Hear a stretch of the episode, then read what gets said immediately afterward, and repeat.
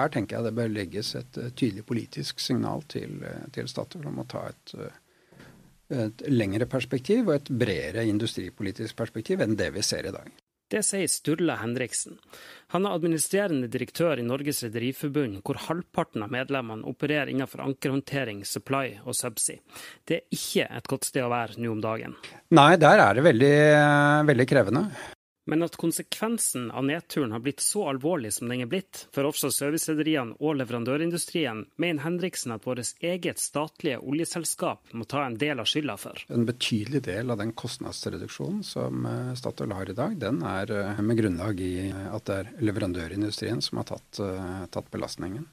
Så jeg tenker at vi er i ferd med å raskt nærme oss et punkt nå hvor både kapasiteten og kompetansen i, eh, i offshoremiljøet vårt eh, når en kritisk grense. Den grensa er vi nå faretruende nær, ifølge Henriksen. Ja, det er vi. Det, det tror jeg vi bare må kunne, kunne si helt uh, ganske tydelig og uten altfor mange forbehold. Uh, vi ser at en del av de kontraktene som tildeles i dag, de er, eh, det er kontrakter som ikke kan vare over tid. Altså det, er ikke, det er ikke en situasjon som kan vare over tid. Og det vil være en eh, dårlig investering både fra disse operatørselskapenes side, men også ut fra samfunnsmessig perspektiv. Eh, for jeg tenker at veldig mye av det som eh, har skapt eh, norsk konkurransekraft, det som har skapt gode og veldig avanserte løsninger på norsk sokkel, og som vi nå eksporterer i, som internasjonale løsninger på, på de globale markedene, det er jo skapt i et langsiktig samarbeid mellom eh, operatørselskapene på norsk sokkel og, og, den norske eh, leverandørindustrien. Det er dette samarbeidet Henriksen frykter står i fare for å gå dukken hvis Statoil nå ikke løfter blikket? Statoil må operere på, eh, på kommersielle premisser, men likevel med en forventning om en langsiktighet som følger med den spesielle rollen og posisjonen de har. Eh, som innebærer at eh, man ikke presser eh, nå leverandørkjeden til å akseptere, til å akseptere kontrakter som helt klart ikke er bærekraftig i lengden. Det, det, kan ikke være det, det, kan kortsiktig kanskje gi en, en, glede for innkjøpsavdelingen, men for den industrielle utviklingen av norsk sokkel, hvor jeg tror også Statoil har tunge interesser, så må det være eh, både i deres egen interesse, men jeg mener også i samfunnets interesse, at de tar et lengre og bredere perspektiv på dette enn det vi ser i dag. Mener du at de har gått for langt allerede? Ja, jeg mener at uh, nå presses uh, rederiene og leverandørindustrien uh, veldig langt. Norsk Sjøoffisersforbund sitter ofte på andre sida av bordet fra Rederiforbundet, men i denne saken er de skjønt enige. Dette er Hans Sande, direktør i forbundet. Ja, det, vi, det, vi, opplever daglig er jo tilbakemeldinger fra rederier som legger til grunn at uh, de må gjøre nedskjæringer pga. Uh, krav fra oljeselskapene, deriblant Statoil, om å kutte kostnader. Og når ikke det er mer kostnader å kutte i forhold til driften, så går de på lønns- og arbeidsvilkår, for det er den eneste variabelen de har igjen. Og Det synes vi at, uh, at en del av rederiene velger da utenlandsk mannskap fremfor norske for å møte kravet om innsparing fra Statoil. Og Dette er Statoil klar over, og de, de påroper seg egentlig at det skal skapes et kunstig lavt marked for disse tjenestene som blir levert til Statoil. og De er klar over at uh, med et sånt uh, prisnivå som er på tjenestene, så er det ikke bærekraftig verken for sysselsetting eller for norske rederier. Sjømannsorganisasjonene mener at strengere regulering fra staten er løsninga. Det er jo vanskelig å regulere et marked. Det er ikke noe tvil om at det er, en overkapasitet på det markedet. Men når det i tillegg er en overkapasitet på eh, skip, og i tillegg at arbeidsmarkedet er uregulert, så må staten kunne gå inn og regulere og si at for norsk olje- og petroleumsvirksomhet, som er en, en, del av fellesskapets ressurser, så skal vi sørge for at det er norske lønns- og arbeidsbetingelser som gjelder. slik at eh, vi skal ikke bare skape, skape penger til statskassen, men vi skal også sikre at det er fremtidige arbeidsplasser på norsk sokkel. Og det, det, har det vært fra, fra, 2000 og fram til nå. Så har det aldri vært noe spørsmål om ikke de klarer norske lønns- og arbeidskår i Nordsjøen. Men det har seila fram en mulighet nå, at oljeselskapene også sliter med sin inntjening og dytter regninga ned på underleverandørene. Som igjen må foreta de, den type grep. At de flagger ut båtene og, og sier opp mannskapene og tar inn internasjonale. Mannskaper mister sin humankapital og interne kompetanse til fordel for at man skal imøtekomme Statoils og andre oljeselskapers krav om innsparing. Sande i Sjøoffisersforbundet og Henriksen i Rederiforbundet er skjønt enige om at vi kan tillate oss å forvente mer av Statoil. Vi har en privilegert situasjon, og med det følger et ansvar. Dette er Sturle Henriksen igjen. Statoil har en spesiell rolle.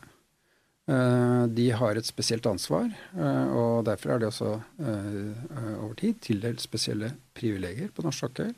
Og med det følger også spesiell forventning om at de nå tar det ansvaret der med å ikke presse leverandørindustrien så langt at de ikke er i stand til å, å overleve på sikt.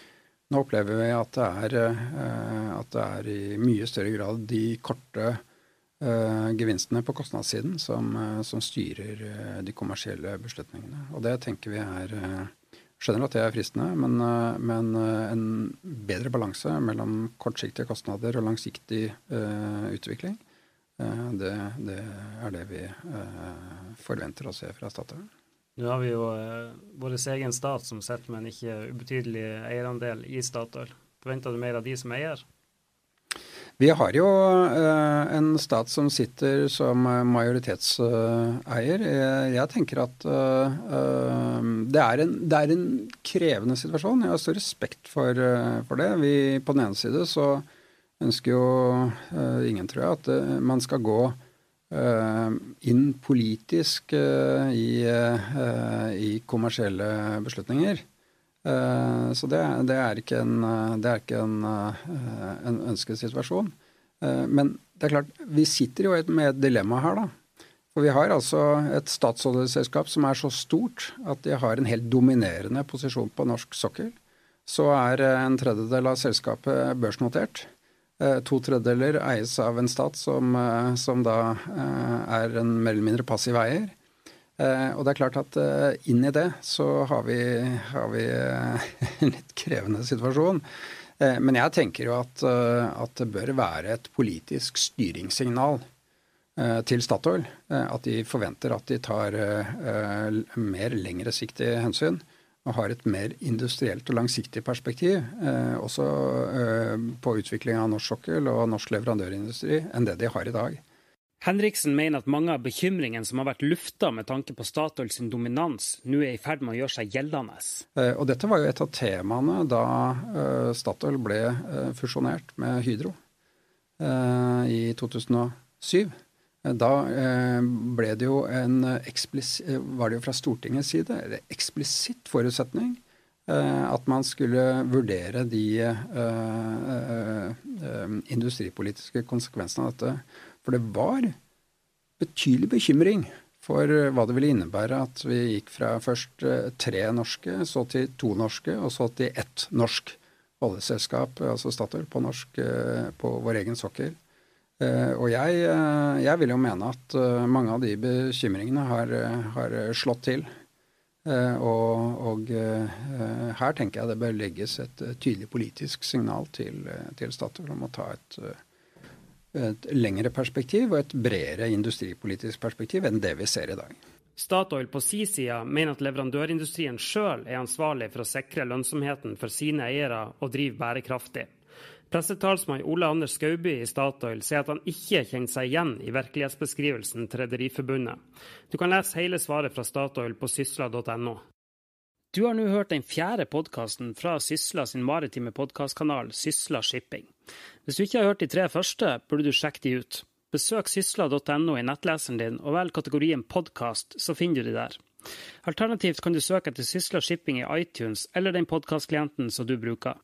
Hvis du kjenner noen som kan ha interesse av å høre den podkasten du har hørt nå, så er det hyggelig om du deler den med dem. Og hvis du likte det du hørte, så setter vi stor pris på om du tar deg tid til å gi oss så mange stjerner som du syns vi fortjener, i iTunes eller en annen plass der det er mulig å gi oss stjerner. Tusen takk for at du hørte på. Mitt navn er Gerhard Flåten, og jeg håper vi høres snart igjen.